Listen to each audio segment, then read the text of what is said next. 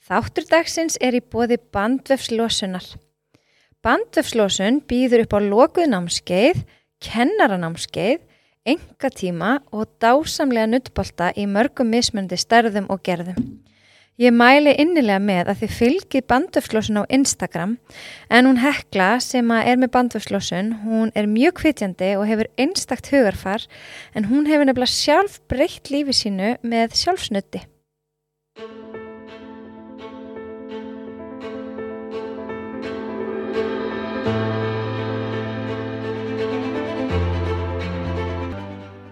Heil og sæl, kæri hlustendur og verið hjertanlega velkomin í hlaðvarpið með lífið í lúkunum. Í dag erum við að tala um mjög áhugavert efni, efni sem að ég hef ekki mikla þekkingu á og, og mér finnst gaman að fræðast um. Og hún er hérna hjá mér, hún Ólína, sem er eigandi og stofnandi af heila heilsu. Verður velkomin. Takk fyrir. Hvað í fyrsta lagi er heila heilsa? Háður en þú færða kannski að segja frá þér að því ég bara... Já, Fyrsta einmitt. skipti sem ég heyrði þetta var ég bara, hæ? Heila heilsa, já. Já, bara mjög góð spurning.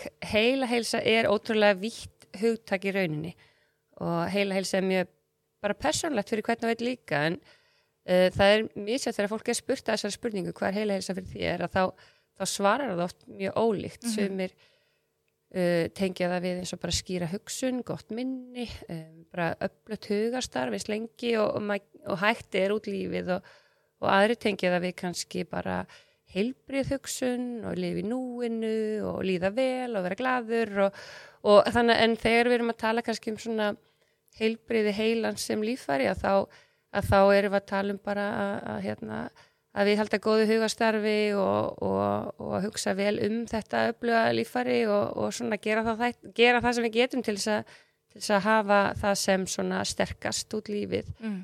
en, en það er heila heilsa er kannski ekki bara eitthvað eitthva eitt Nei. Og þetta er ólíkt fyrir fólki hvað hva skiptir að máli þegar kemur að þessu. En hver er Ólína og, og af hverju stopnaði þú þetta fyrirtæki heila helsa? Já, um, ég er sérst doktor í líf- og læknavísundum og er sálfræðingu líka og er búin að vinna á landsbytala í 12 ár.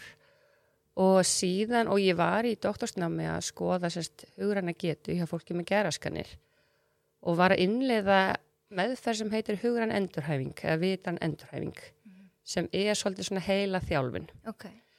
Og ég var að gera þetta í mínum doktorsnæm og rannsaka bara áhrifina af þessari meðferð og það var mjög þörf meðferð því að maður að sjá að, þessi vandi var mjög áberandi hjá fólki með ymsar svona geraskanir og, og í millintíðinni, bara í miðji doktorsnámi, þá lendi ég í því að, að fá heilarhistika Ok.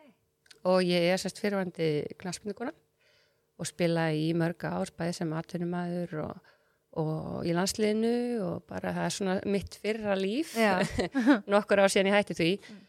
En það sem allt snýrist um fótboltan Mhm. og, og ég enda í rauninu fyrirlega minn 2015 eða 16 að þá fæ ég nokkra heilarhristinga og eftir, og það er svona í miðju doktorsnámi, þannig að ég upplýða svolítið að, bara svona eigin skinni að missa niður hugastarfið og mér fannst í rauninni þegar ég var að, fara í gegnum þetta tímabil, það endaði með því að ég fór í veikindilegi frá vinnu og þurfti bara að fara í endurhæfingu og aðeins að svona bara byggja mig upp Mhm. eftir, eftir þetta og, og ég fann bara hvað eh, bæði það var lítið í bóði fyrir fólk eins og mig sem að var að gangi gegnum svona bara erfileika og, og ég þurfti sjálf að leita mér að þekkingu og, og finna fagæðala sem kunni eitthvað í þessu og, og í rauninni bæði bara fáir sem að á Íslandi sem að bara rauninni vissu hvað maður ætti að gera og erfitt að finna þá. Þannig að ég fann sko, ég, þá byrjaði að blunda í mér þessi svona þörf fyrir það að um, mæta þessum hópi, þessum hópi fólk sem fær einhvers konar væga hufa áverka, heilarhysting eða eitthvað slíkt. Þannig að það var svolítið svona kveikin af þessu um, en það sem að ég hef líka alltaf svona verið að það sem ég brenn fyrir er í rauninni bara að um, sko, að bara svona kynnast hugastarfi okkar. Og mér fannst ótrúlega áhugavert verandi að vinna við og rannsaka það að, að leggja fyrir taugarsálfræðileg próf og, og, og svona þjálfa svona hugastarfi hjá öðru fólki. Það fannst mér mjög áhugavert að lendi í þessu sjálf. Já. Og það kveikti bara svona áhuga í að bara ok, hérna, hvað hva getur bara, bara manneskir eins og ég og þú og bara fólk sem er að lendi í alls konar lífun, ekkit endalega heilarhysting, heldur bara, bara gangi gegnum streitu mikið tímabil eða um, eignast vatn eða einhverja breytingar eða gangi gegnum kvíatímabil eða sefleysi eða eitthvað slíkt og, og finnur svona breytingar á, á hugastarfi. Hvað, hvað eigum við að gera? Mm. og ég fann svo mikla þörf fyrir líka og áhuga bara á því að skoða það betur þannig að heila heilsa sem fyrirtæki sem ég fór síðan að stopna hérna 2019 kvikna svolítið út frá bæði þessu, þessari reynslu minni af heilarhystingum mm -hmm. en líka bara brennandi áhuga á heilanum og hugastarfi yeah. Hvað að því þú talar um heilarhysting og maður hefur heyrt mikið af íþróttafólki sérstaklega kannski markverðir í handbólta og fólkta verða að hérna bara eh, verður aldrei samt aftur eftir höfuðhögg eða heilarhestinga. Hva, hvað er að gerast í, í heilanum? Já, einmitt og það er bara gott að nefna þetta því að það þarf alveg að búa til svolítið betur upplýstu umræðu um heilarhesting. Mm -hmm. Heilarhestingur er í sjálfu sér ekki hættulegt fyrirbæri og flestir fá eða hættulegur áverki og flestir fá heilarhesting einhver tíman á æfinni á þess að finna nokkuð fyrir því. Okay. Það sem að hefur verið kannski vandin er að fólk er ekki að fá rétta greining og meðferð á öllum þáttum sem að breytast eftir heilarhysting og eru kannski lengri tíma eins og ég var sjálf að leita og prófa eitthvað eitt og það virkar ekki nóg vel og þá mm. fara að prófa eitthvað annað og það virkar eitthvað smá en engin heildarbati okay. þannig að og, og það, er, það er munur á því að fá einn heilarhysting eða að fá tíu Já, okay. og, hérna, og, þeir, og það er alveg réttur og segir að, að það eru sumir í, sem er í til dæmis eins og handbóltumarkmenn eða, mm. eða bara í ákveðnum íþróttum, boksi, MMA, allt þetta og, og líka skýða íþróttum og ímislegt og, og knaspinu og kontaktsporta sem að fólk er að fá kannski endur tekna heilarhystinga og það er í rauninni ekki endilega hversu marga heilarhystinga þú fær heldur hversu vel þú nær að jafna það á milli. Og miðstökin sem við erum að gera með íþróttafólki okkar, sem vorum betur í því er að fólk er að setja allt og snemma aftur á stað þegar heilin er ekki búin að jafna sig. Hvernig veit maður er þetta heilin er búin að jafna sig? Já, einmitt, það er líka góð spurning um, og skiptur rosa miklu mál að skilja mm -hmm. að, að heilin er bara lífari og það er ákveðin hluti sem fari í gang þegar maður fær heilaristing og, og það sem að gerist er að í rauninni að þá verður hraðabreiting á heilanum sem verður til þess að, að heila frumunar okkar tegjast og snýst upp á það aðeins þetta sekundubróð þegar maður fær heila hristingin okay. því heilin er í rauninni bara svolítið eins og jello ef Já. maður ekki rýmið sér hann þannig Já. hann er svolítið svona hann hristist og svo þarf þú færð heila hristing þá verður hraðabreiting og frumurnar svona tegjast og, og svona bóðefni sem gefa frumunum okkar orku leka út úr frumu og bóðefni sem að hérna, hindra orkuframlisli komast inn það er svolítið eins og sért með fötu fulla vatni og takja tappan út og setja hann aftur í það er bara ekki nóg mikil orki frumanum okay. það, er það er ekki sama vassmagnið mm -hmm. í fötunni mm -hmm. og þetta ferli og rannsakendur er að sjá þetta náttúrulega út frá bara að það er ekki siffærslega rétt að slá fólk oft í hausin uh, en er að yfirfæra þetta út frá bara dýrarannsóknum að, að það tekur heilan um það byl svona 22-45 daga að ná að hreinsa aftur þessi bóðefni sem áttu ekki heiminni frumunni og ná aftur upp bara full fullri orku starfsemi í heilafrumunum og meðan þessi tími er í gangi að þá er hann sérstaklega viðkomið fyrir öðrum höggum. Okay. Þannig að sumir að lendi því að fá kannski annað höfuhögg eða já, annan heila hristing kannski tíutum eftir, eftir fyrsta og þá er kannski heilin ekki orðin nógu orkum mikið til að takast á við þann áverka mm, þá getur orkan hrapað ennþá meira því það leikur meira út og, mm. og þetta verður svona lengra og erfiðara ferli Já. þannig að það er ímislegt svona og það er svo mikilvægt uh, uh, núna er ég eftir að ég stopna heilhelsu farin að hitta fólk eftir heilhelsting bara búin að gera síðustu síðust, síðan 2019 og þetta er alltaf eitthvað sem að ég fer mjög vel yfir með fólki mm. til að byrja með af því það er svo mikilvægt að skilja hvað er í gangi heilanum, þegar maður fara heilasting það hjálpar mjög mikið að fólk viti aðeins um, hvað er eðlilegt og hvað er hættulegt og hvað er ekki Einmitt. Sko heilaristingur og höfuhögg maður heyrir þetta svona bæði hver er munurinn? Er þetta sama eða sko í rauninni þá fær maður heilarhristing eftir einhvers konar högg á líkamann, höfuð, um, eða, maður þarf ekki endilega að fá högg á höfuð til að fá heilarhristing. Ó. Þannig að maður getur líka fengið bara högg á bakið eða einhvers annar starf, en það verður bara að vera nóg mikið högg, en nóg mikið svona óvænt hraðabreiting, þannig að heilin ná að hristast í höfugúpunni Já, og það er mjög mikilvægt að, svona átt að segja á því að það er ekki til eitthvað sem heitir vægur heilarhristingur eða alvarlegur heldur. Við fáum bara heilarhristing og við vitum aldrei hvernig manneskinn sem verður fyrir þessu höggi bregst við. Það er svona gott að skilja að heilin er í rauninni stjórnstöð líkamanns og eina ástæðan fyrir því að við erum með heila og eina ástæðan fyrir því að heilin í rauninni þróaðist í okkur fyrir þúsundum ára þegar, þegar við vorum að bara þróa sem lífverur er bara til að samhæfa öll kerfin í líkamannum að tilgangur heilans er bara að samhæfa hormonakerfið, hjart og æðakerfið, taugakerfið, sjónkerfið og passa öll þessi kerfi tali vel saman. Mhm. Þannig að við bara, við höldum réttu, vöggast í, hittast í og bregðumst réttu við og lifum bara af. já, Þannig að þegar að stjórnstöðin, heilin, verður fyrir einhvers konar áverka eins og þetta, bara heilarhristingur, að þá kemur einhvers konar trublun í önnur kerfi mjög oft. Og það er það sem að fólk er að lenda í sem er með einkenni lengur heldur en þessar þrjár til sex vikur eftir að heilin er búin að jafna sig. Að það er einhver trublun í öðrum kerfum. Það getur verið ofanægt taugakerfi það getur verið krónisk bólgumyndun það getur verið sjónkerfið eða hálsáverkin sem er að búa til einhvers konar einkenni. Þannig að það er svo mikilvægt um, í meðferða að svona greina þetta rétt og finna út hvað er í gangi á hverjum og einum. Og, og bara, mér langar að ítrekka bara að það er, eru lang flesti sem jafna sér bara hratt og öruglega eftir heilhæsting og það er ekki komið fram rannsóknir sem sína ein, ein, tveir heilhæstingar og jafnvel margir hafi einhverja beinatengingu eða orsakasamband við einhverja heilabilun eða heilarhörnun en eitt slíkt. ok. Þannig að hérna, rannsóknir eru bara ekki komnar með það niðurstöður Nei. og þannig að mikilvægt að róa umræðina og, og koma með bara réttar upplýsingar fram.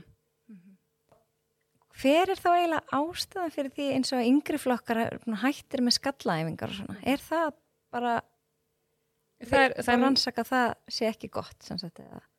Bara mjög hérna, gott að það hefur verið gert því að börn eiga bara að njóta vafans Já, já. og við vitum það að það er aðeins meiri áhætta á eins og bara kvíða, þunglindi og ýmsu hjá þeim sem hafa fengið um, höfhögg sem börn. ok. Það er eitthvað svona aukin áhætta á- ýmsu og það er, ekki orsakasamband en það er samt einhver möguleg tengsl sem að hafa, veri, hafa komið fram og síðan er hjá börnum líka sem er gott að hafa í huga, þau eru svolítið svona eins og svona bobbleheads. Þau eru með stóran haus og veikan háls og, og það eru þá meiri líkur á að hausin ná að hristast þegar þau fá högg. Og, og það er ekki þannig að þetta hafa verið banna því að það er algjörlega komin skýr hérna, bara skýrt samband þar sem þetta er bara stórhættulegt og þá væru við ekki með börnun okkar í þessu. Nei, nei. en það er nógu mikið komið fram þannig að maður á að leifa um að njóta vafans og draga úr þessu því að það eru einhverja vísbendingar um vissulega. Þetta geti haft endurtekin höfuhögg og heilarhristingar geta haft áhrif á líðan og ýmislegt annað setna mér. En þegar fólk lendir í einhverjum svona mjög alvarlegum slísum eins og bílslísum eða áreikstrum þá er náttúrulega mjög oft sko, líklegt að þau fá eitthvað tengt svona. Eh, er eitthvað fylst sérstaklega með að því að þú veist að segja þetta tæki þessi, þessi marga daga, hvað var það, 20 og Já, 22 til 45 dagar Já. Mm ég bara velta fyrir mér fólk sem lendir í áreikstri er kannski bara að koma á ról eftir viku, það kannski er ekkert að spá í höfðinu. Algjörlega og, og sumir finna ekki fyrir, einkennum í meira en kannski viku eða eitthvað slíkt og, og þá er maður ekkert að grípa neitt sérstaklega inn í. Okay. ef að fólk er bara búið að jafna sér hægt örgulega hægt að finna fyrir svim og höfuverk og, og svona á kannski tveim, þreim vikum bara orðið gott að það þarf ekkert meira yngripp en það kannski ef það eru og jú að að það er alveg rétt eins og þú ert að nefna með slís og sérstaklega bílslís, aftan og keislur hálkuslís og ýmislegt að, að hérna fólk áttar sér ekki endilega alltaf á því að það fekk heilarhisting stundum er það vel skráð og fólk fær upplýsingar en alls ekki alltaf. En ef að maður er með einkenni ennþá kannski eftir þrjá, fjóra vikur og þá er alveg mikilvægt að leita sér aðstofar því að það hjálpar þér að ná þér fyrr að koma sem fyrst í rétta meðhundlun. Áður en eitthvað fyrir að verða krónist og leðalegt og, og það er hálsáverki til dæmis er mjög stór hluti af heila hristings svona þegar maður er að kortleggja afleggingar þá er hálsáverki alltaf einhver áverki til staðar. Það þarf miklu um, meira afl til að hrista heilan heldur en að skaða hálsin ok, þannig að stundum um, er það vangreint eða van meðhandlað og, og, og það að vera að fá vipplas áverka getur í rauninni búið til sömu einkenni eins og að fá heilaristing þannig að það skiptir líka máli að vera með færan sjúkrafjálfara eða fagaðala sem getur greint hálsin vel og meðhandla mm í meðferðinni. Hver eru helstu enginn, þú talar um svima og eitthvað svona, þannig að ef einhver hefur fengið höfuhögg og finnur bara ekki neitt, þá er ekkit Í, sk- algjörlega. Og, og finnur ekki neitt. Og ég hef alveg hitt þannig hérna, aðeila sem hafa komið kannski svolítið snemma og svo er þeir bara orðin góðir og sérstaklega hérna, tveir ungir íþróttastrákar sem bara voru rosa hlutar að jafna sem þurfti ekkit yngri, aðeins smá fræðslu og fóru bara sjálfur að vinna í sínum málum og urðu bara góðir á, á hérna, uh, en, en við ráleikjum samt alltaf, býtu samt í þessar þrjár vikur Ok. og, og hérna, pössum okkar að heilin sé búin að jafna sig, af því þú getur verið einkennlaust þótt að hann sé ekki búin að jafna sig. Ok, þannig að það helst ekki endilega alltaf í hendur en já, fólk finnur líka fyrir sko breytingum á, erum að tala um þessi einkenni að þá er það náttúrulega höf, þessi höfverku þrýstingur í höfði og, og verkur í hálsi. Og spenna í brjósbaki og ymmislega þannig sem getur komið svona út frá því. Uh, og síðan erum við með þessi einkenni eins og ljósfælni, hljóðfælni uh, sjóntrublanir, óskýra sjón svima, ógleði. Og, og síðan þessi hugræna þættir sem eru mjög oft áberandi, sérstaklega svona síðar í ferlinu oft verða, verða minnistrublanir, einbettingali hérna trublanir og, og erfitt með aðtegli og, og aðteglis úthald um, oft er það mjög áberandi fyrstu dagana svo hættir fólk að taka eins mikið eftir í því að kannski er með mikla verki. En svo þegar fólk er að fara aftur að staði vinnu eða nám og svolítið bara svona verða betra þá fer þessi hugræni vandi að verða meira áberandi. Um, fólk að taka meira eftir því en síðan eru líka enginn eins og septublanir um, meiri kvíði og getur verið depurð og ymslega sem fylgir þessu.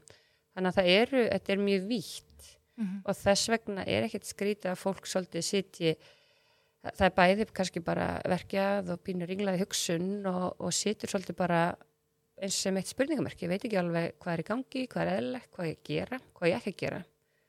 Og þess vegna er mikilvægt að vera og, og með svona úrræði eins og ég eh, við í heila helsu erum búin að vera bara einbytt okkur að koma á um, sem að, í fyrsta lagi bara að að veita fólki réttar upplýsingar, að kortleggja einkenni, að, að gefa fólki eitthvað öryggi í því að ok, þú mátt gera þetta, þetta er mikilvægt, þetta þarf að passa það á og þannig að það siti ekki alveg eitt með allar þessar spurningar því að þetta er flókið oft. Einmitt. En sko að því að það er orðin svona meiri vitundavakning um þetta og kannski fólk orðið duglegar að leita sér aðstæðar en eru þá kannski einhverjir að koma til þín sem lendi einhverju fyrir mörgum árum Algjörlega, ég er að fá fólk sem kannski fekk heilast ykkur 20 árum og það er ennþá að hafa áhrif? og, er, og fólk er ekki vist endilega hvort það sé en þá hafa áhrif. Já, já, já.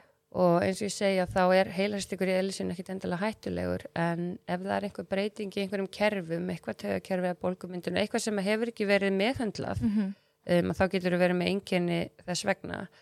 Og, og þegar ég fæ einstakling til mín sem að það sem eru meir en kannski þrjú ár síðan, fekk heilasting að þá mæli ég alltaf með að, að hann strax bara nái sér í netfræslunum sem er hann heimasíðun okkar sem heitir bara allt um heilasting og þar fær og það er alveg ástæð fyrir því að ég fór að staði að búa til þessa fræslu af því að þar fær viðkomandi svolítið bara já, hvað gerist í heilanum, hvað gerist í taugakerfi, bólgumyndun, hálsáverkin, blóðflæðivandi, sjónkerfið. Og sumi sem er að koma eftir svona langan tíma fá, sko, ég ég verið með tvo einstaklingar sem sögðu bara mjög eins og þetta væri bíómynd um mig eða þetta hafa sérstaklega verið svona bara fræðsla um, um mig og ég hafði ekki hugmynd um að, þetta hef, að þetta var allt sem eitthvað var búin að vera trubla með meira og minna. En kannski svona þannig að það er oft þar, ég, by- þegar fólk kemur svona langan tíma þá byrja ég svolítið þar, bara skoðum þetta vel tökum okkur tíma, lærum meira til þess að hérna, vera ekki bara henda fólki út í einhverju meðferð heldur að velja rétta meðferð. En það er náttúrulega kannski ekkit skrítið þegar mikilvægasta líffæri sko, okkar er skattað að, eins og þú segir stjórnstöðin. Ef að hún skattast, þá er alltaf svo margt sem getur farið úrskeiðis í, í líkamannu Algjörlega, kerfin fara að tala verð saman og það fer að koma einhvers konar svona, já, ímistlegt og oft mjög skrítin og svona skeri einkenni fyrir fólk og það veit ekki, já, hérna hvort að þetta sé hættulegt eða, eða bara eðlegt. En eru batahorfur alltaf góðar? Eða þú veist, getur fólk yfirleitt náð sér alveg bara?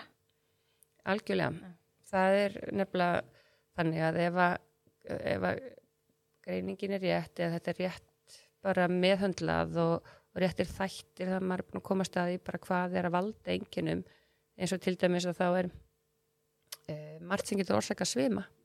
Það getur verið, það getur verið blóðflæfand það getur verið kvíði taugakerfið það getur verið um, háls, hálsin sem er að búið til svima eða jafnvægiskerfið, við þurfum að finna af hverju þetta er með svima og meðhandla rétt kerfi Þannig að já, það er um, hægt að ná fullum bata eftir og ef maður er búin að vera lengi og þeir sem eru búin að vera lengi að, að það er mikilvægt að bara að hætta ekki að svona leita sér aðstofar, ekki sætta sér við að bara svona verði alltaf. Okay. Um, það er alveg ótrúlega margt búið að gerast í þessum bransa bara síðustu 5-10 árin, sérstaklega síðustu 5 árin og það komi fram náttúrulega bara mikil vitundavakning um þetta hérna uh, í kjölfar bara það kom út bíómynd sem heiti Concussion og, og allt þetta með amerísku svona fókbólta, uh, fútból hérna gaurana Mm -hmm.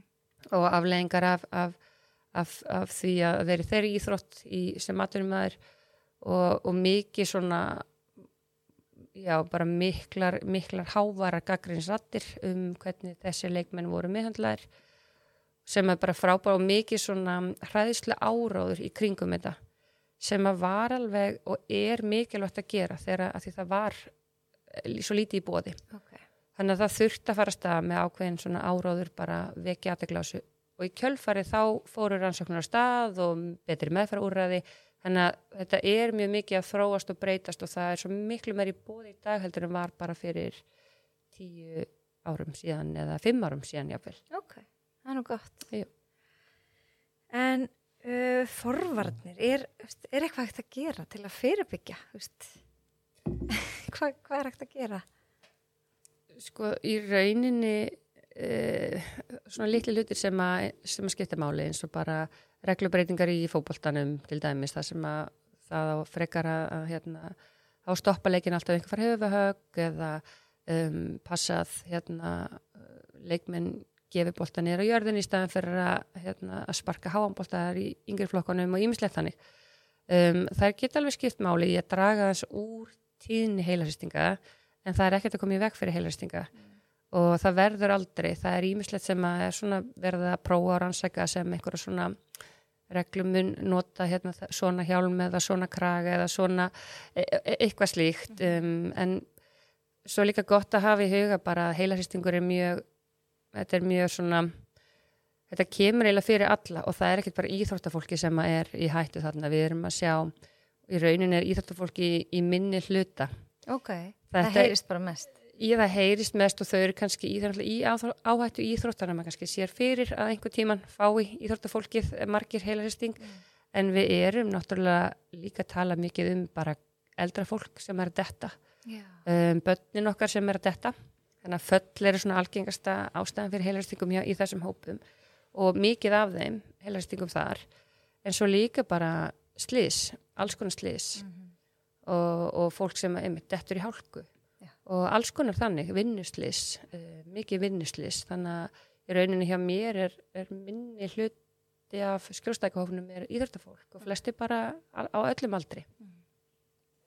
Það er slett Ég spyr alla að því hvað er helsa fyrir þér því mér þykir svo gaman að heyra meðsmunandi eh, bara skilgringar, skýringar Já, helsa fyrir mér er mér finnst að vera þrýþætt, þrýþætt svolítið hjá mér. Það er hérna bara að vera um, með, með ork, líkamlega orku og, og styrk og geta gert hluti sem mér finnst skemmtilegir, geta unnið, farið á skýði, farið í dans og, og svona út að lappa mm -hmm. og, og svo þetta andlega sem að bara mér líði svona uh, meir og minna vel, það sé ekki alltaf hægt að líða rápalega vel en samt að maður sé jafnvægi svona Akkurat.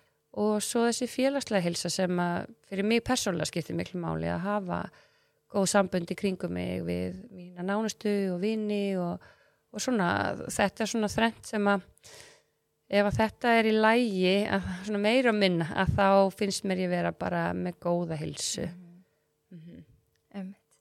Og heila heilsans lítur að skipta þarna miklu máli. heila hilsa skiptir miklu máli algjörlega og, og heila hilsa er bara lífstíða verkefni og, og það er alveg gott að hugsa og bara minna sig á að heilin er lífari alveg eins og hjart og æðakerfið og, og það virkar ekki þannig að við komum okkur einu sinni í form á æfinni og, og þá erum við alltaf í formi, við bara dettum úr formi og svo komast við aftur í formi ef við förum að okkur meira. Og, og sama bara á við um heila, maður þarf að hugsa um hann og, og það er og ég hef til dæmis um, reynd að passa mig á því að hafa þessa líkil þætti svolítið inn í mínu lífi sem skipta máli upp á heila hilsu um, til dæmis eins og bara vera uh, í öflari reyfingu, reglulegri reyfingu fá blóðflæði upp til heila heilinu með mikið og flóki æðakerfi og, og, og þarf á góðu blóðflæði Það er ekkert margir sem hugsa um að þeir eru að reyfa sig að það sé að hafa góð áhrif á heilan. Þeir eru meira Nei. hugsa bara um skrokkin. algjörlega, en þetta er bara stærsti og mikilvægasti þáttunum fyrir heila hilsu er regluleg reyfing, bara fá blóðflæði upp til heila og svo líka bara eins og að jafna blóðsikurinn eða bara svona passa að maður sé ekki að fá endalösa bólguvalda uh, upp í, inn í blóðrásuna og hérna halda reyna halda jafnvægi í streitu, vera með mitt svona örfandi og gott félagslíf eða tengingu við fólk, um, vera forvitin, að læra eitthvað nýtt, reyna á sig, fara út fyrir kassan, gera hluti sem að var ekki gert áður og, og svolítið svona halda fram að, skora á heilan. Um, og svona ímislegt þannig sem að mér finnst mikilvægt allavega fyrir sjálf á mig en svo þegar maður er að, þegar ég er að kenna um heila heilsu sem ég er mikið að gera líka að kenna öðrum bara á alla þessa mikilvæga þætti að þá skiptir máli að fólk fá að þess að gera þetta á sínum hraða því að þetta eru stóra breytingar herri, ég ætla að fara að taka mataræðir reyfingu og svefnin og, en bara uh, að muna bara heila heilsa er lífstæða verkefni alveg eins og líkamleg heilsa. Og maður getur farið í, ok, nú ætla ég að fókusera á einhvern einn þátt sem getur verið mjög góður fyrir heila minn eins og þetta, ég ætla að breyta þess mataræði til þess að hafa heila heilsu vætna. Byrjum þar Já. og svo getur maður bara haldið áfram og fundið svolítið hvað áhrif það hefur á bara hugastarfið og, og orkuna og, og svona. Þannig að En svefnin hlýtur náttúrulega að vera rosalega mikilvægur. hann er alveg einn af þessum stóru þáttum sem að skipta máli hvað heila heilsu varðar. Getur þú útskýrt hvað gerist í heilanum á nóttinni? Þú veist, Sko þetta snýst um það að heilin er að, losa í rauninni ákveðin bara prótein og bólgur og ýmislegt í svefni og, og það er, um, vegna er mikilvægt að fá og maður finnur strax fyrir því þegar að uh, maður vaknar og maður svaf ekki vel að þá er maður aðeins svona, það er kannski stittra úthald og svo leis um, og langvarandi svefvandi getur líka verið einmitt kveikina svo leis hlutum. Mér finnst samt alltaf mikilvægt að fólk svona nálgast þetta af aðeins má um, aðeins jafnækið í kringumynda því að jú, svefn er einn af þessum mikilvæga þáttum en við lifum það alveg af að eiga einu og einu sveflis á nótt eða eitthvað tímabil þar sem að við erum í gangi gegnum eitthvað og sofum illa. Og ég vil að aðeins að muna bara að svefnin er mikilvægur en það er svo oft sem að svefnvandi viðhelst af því að fólk fer að hafa áhyggjur af því að fá ekki nægan svefn ok, það verður vítarhingur. Þetta verður vítaringur, já. Að byrja sem eitthvað, eitthvað kveikja heilastíkur eða bara eitthvað streyta eða eitthvað líkamlegt um, og svo fer maður að, hafa ágjör af því að fá ekki ná svefn og missa heilsuna og, og það er vinnandaginn eftir og allt þetta og það verður að taka sveflif og... Já, og það fer bara að viðhalda vandanum þannig að við lifum alveg af þóttu fáum ekki alltaf frábæra svefn og það er líka svolítið bara langtíma verkefni Já. að svolítið bara að vinna í þessu og vera smá svona mm umbörlindi fyrir pínu erfileikum inn á milli. Já. Mér finnst nefnilega alltaf oft fólk grípi sveflif og svo sko, er svo erfitt að hætta. Það er kannski bara ennþá að taka þetta tíu árum setna. Mhm. En þetta átti kannski bara að vera skamtíma úrræði. Einmitt. Það náttúrulega getur alls ekki verið gott fyrir heilastarfsemina. Nei, einmitt, sko, algjörlega. Og það er ímislegt þar líka bara með hérna, áfengi og ímis vímefni og, og, og náttúrulega bara svona kannski líf sem að slá miðtöðkerfi sem geta hægt hugastarfið og, og, og þannig að það er ímislegt þar líka um, sem getur fara að vinna móti heila heilsunni. Um, og kannski er það ég held að í samfélaginu okkar í dag að þá er það mjög mikið um, streyta og það að við erum alltaf að gera marga hluti í einu sem er að koma okkur svolítið í hugrænt þrótt okay. og það er bara þannig sem að samfélagi hefur svolítið þróa síðust á sérstaklega með bara snjálftímanum og öllu því og, og svona þriðjavaktinn og í raunin er heilin ekki þannig gerður að við eigum að geta haldið einbyttingu í, í áttatíma hann er bara ekki búin til, við, við þróumst ekki þannig, við áttum bara að geta haldið super fókus í klukkutíma meðan við veiðum eitthvað dýr og svo bara röltum við í róleitunum og eldum það og eitthvað þannig, þannig þróaðist í rauninni heilin, þannig að heilin er ekki þannig gerður að hann geti hugsað um marga hluti í einu í langan tíma mm -hmm. og alveg eins og bara með líkamann þá er ekki gott að að vera í stöðugur í þjálfun meira minna allan daginn allan daga nei, nei. við förum bara í ofþjálfun og, eða meðnumst og það er það alveg aftur heilinni líffari að það er, að það er hann er mjög orkufrekt líffari mm -hmm. og hann þarf alveg líka kvildina sína ja. En við erum bara eins og svona samfélagi orðin núna með öllu þessu áreiti að þá er hann ekki að fá við erum ekki að fá heila kvild hver, hver er besta heila kvildin? Heila kvild er í rauninni bara tími þar sem að heilin þarf ekki að taka nýjar upplýsingar og þetta getur verið tvær mínútur á milli funda þetta getur verið 20 mínútur þetta getur verið 10 mínútur og bara þar sem að þú leifir kannski huganum að þess að reyka þetta getur verið heil helgi ef þú ert búin að vera með rosalega krefjandi viku þá kannski þarfst þú heila helgi bara í að fara í göngutúr, leggja kapal gera hugleislu spjalla við einhvern sem þú þekkir vel Úsla húsla, horfa út um gluggan, bara leifa hugan og svolítið bara að reyka mm -hmm. og við erum ekki nóg duglega að gera það í okkar samfélagi Nei. það þarf alltaf, alltaf að vera við þurfum alltaf að vera að gera eitthvað mm -hmm. Algjörlega og það er það sem við erum, við erum alltaf að við förum kannski að fund, svo kemur kaffi, pása þá tökum við upp síman og erum eitthvað að skrolla og að spjalla kannski við þrjá í einu og svo fyrir við á næsta fund þannig að hann fær aldrei þessa kvíld um, sem hann þarf mm.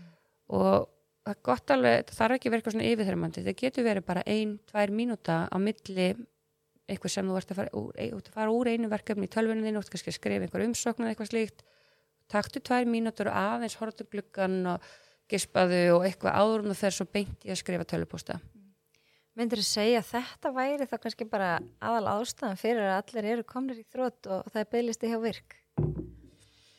Ég get ekki svara hvort þetta er aðalásta en, en þetta er, þetta er hérna eitt stór hluti af því fyrir marga.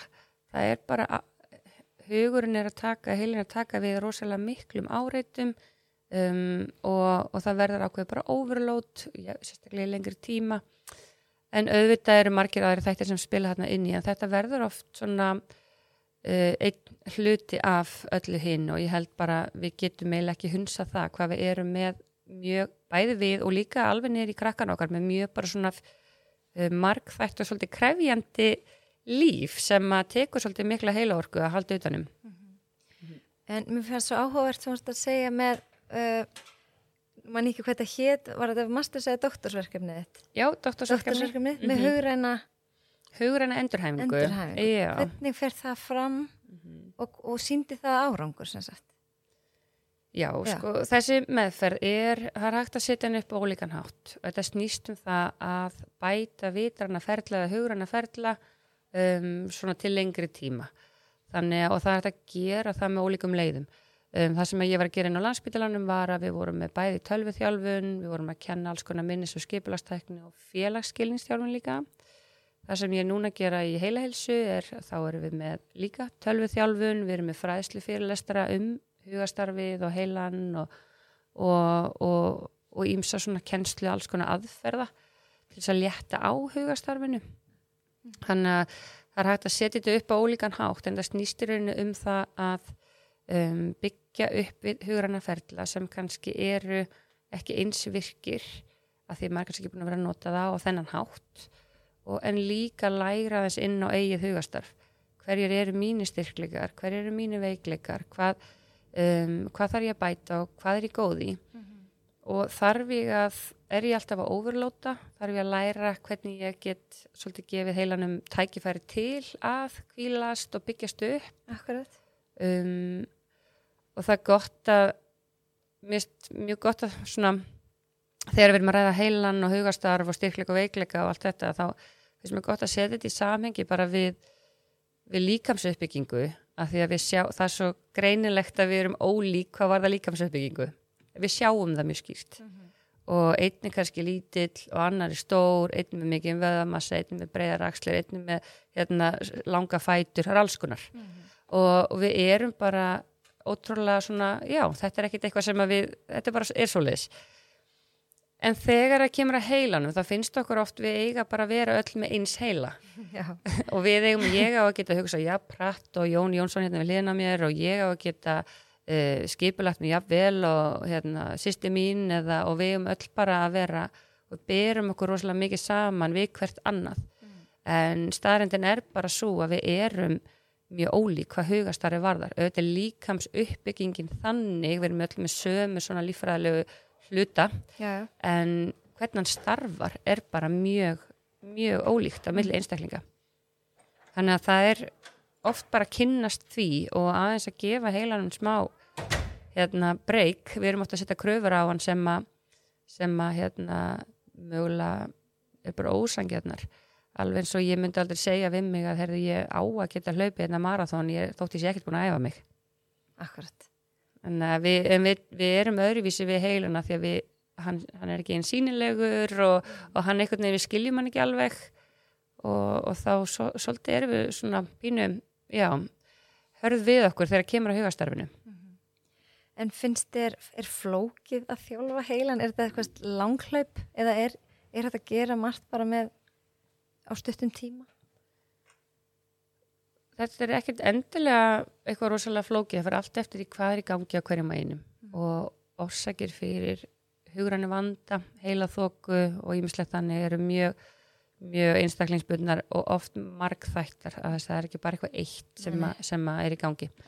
Um, þannig að það er hægt að ná góðum árangri á á hérna sem að tala um stuttan tímamark sem tala um einhverjar vikur eða, eða eitthvað slíkt. En, hérna, en það er gott að muna sem bara öll, alla svona breytingar á hugastarfi sem við göngum gegnum á æfinni bara eru tímabundna breytingar þannig að það er ekkert varanlegt við það. Ef ég er og við þekkjum þetta eins og bara fólk sem er maður fyrir fæðingarólof og kemur tilbaki í vinnu og maður bara man ekki neitt og er með einhverja heilaþokku og er algjörlega svolítið bara út af sig og allt einhvern veginn hérna, það er bara hann er bara úr æfingu.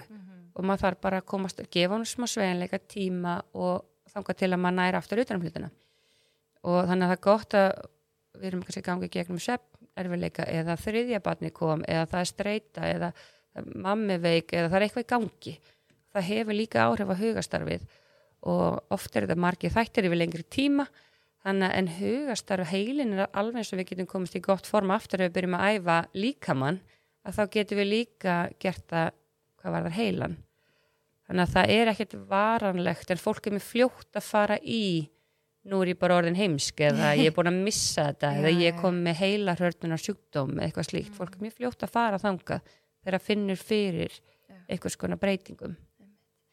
Mér finnst búið að vera mikið um það og, og mikið ræðað í mörgum þáttum hjá mér hvað er margir bara einhvern veginn alltaf að hamstra hjólinu og, og þetta. Og þannig að mér varst frábært að þú sért að segja það sé stundum bara nóg, tvær mínútur á milliverkefna og fólk er oft svo mikið að mikla hugleðslu fyrir sig að þurfa að vera að setjast niður og taka tíu mínútur og, og einhvern veginn að hugsa ekki um neitt en það snýst ekki um það.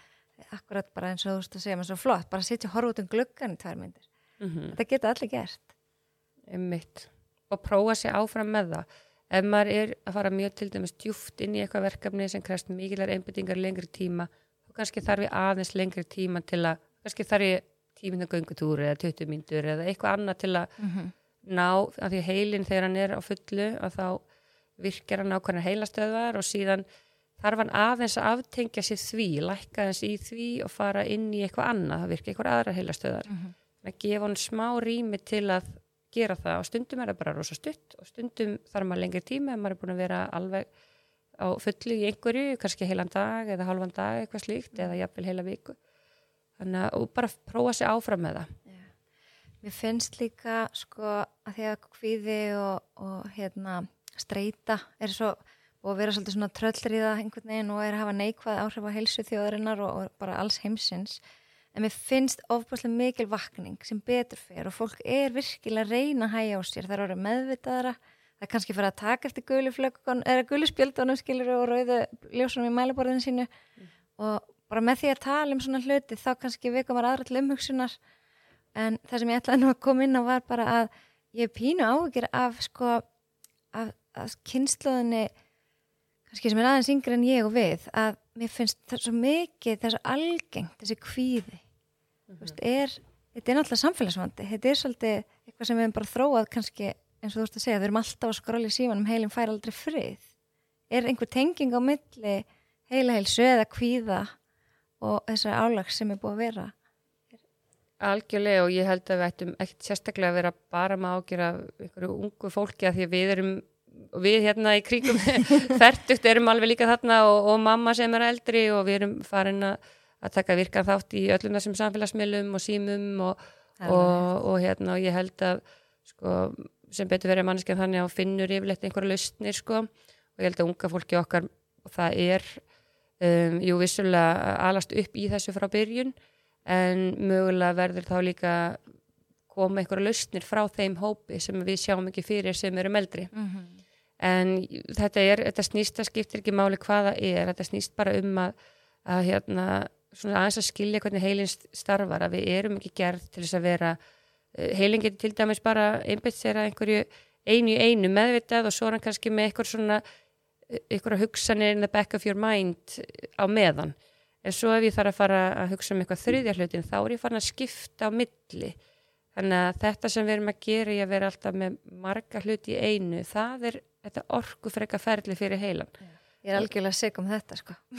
Og þá þarf að aðeins meiri súrumsöftaka og ímislegt að því hann er lífari og hann starfar ákveðin hátt og mjög orgufrekur um, að þá það er þetta þegar við erum stöðugt að fara úr eini annað að það, það tekur meiri toll á orgu orkuna sem heilin hefur mm -hmm. til að starfa þannig að ég held sko því ég er bara ég veit ekki, ég hef bara trú á unga fólkinu okkar, ég held að það muni koma með lausnir og það er um, einhver vitundavakning núna, jú, líka bara um, um heilan og hugastarf og, og það, ég hef til dæmis verið þessu núni í þrjú ár og það er mikil áhugi og það er aukast mm -hmm. þannig að við erum aðeins að leiða hugan okkar meira aðeins út, ég verðum að sjá meira vanda og það er eitthvað hægt að gera því Um, ég held að þetta verði eitthvað sem að þau eftir 20 ár vitum við bara og kunnum svolítið á.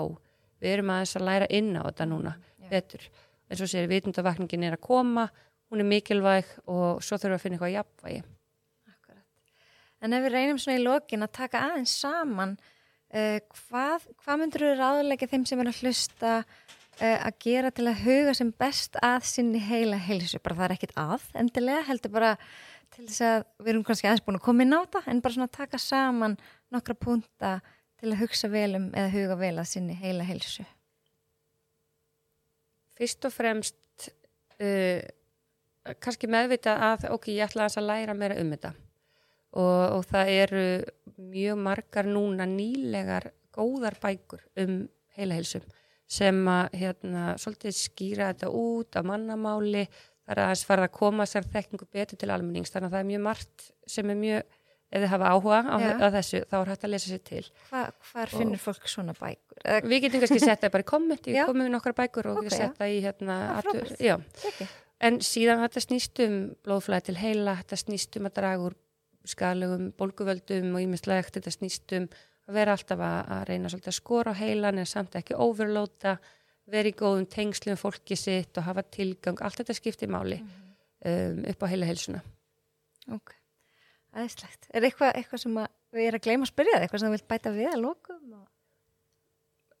Mér finnst bara mikilvægt að ítrekka að heila hels er ekki eitthvað sem maður byrjar á að gera þegar maður er 75 okay.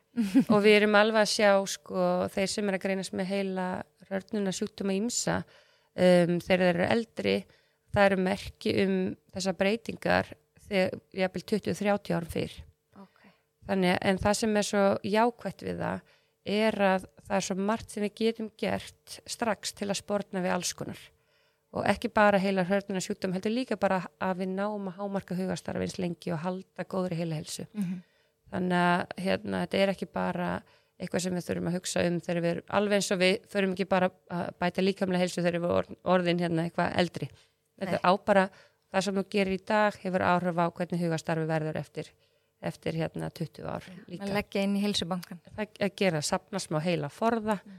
vera svona stöðut aðeins með þetta líka í huga og, og hérna, vinna, stefna því að hafa góða heilsu eh, í, í heilanum alltaf. Mhm. Æðislegt. Bara takk fyrir að gefa þið tíma til að koma og, segja ykkur aðeins frá hérna, heila heilsu. Já, mín er ánæginn, takk fyrir að bjóða mér. Og ég hvet alla til þess að fylgja hlaðvarpinu með lífið í lúkonum á Spotify eða Apple Podcast eða öðrum streymisveitum því þá sjáu þið nefnilega þegar næsti þáttur dettur í loftið. Og ef þú ert á Instagram, endilega fylgdu heilsuerla.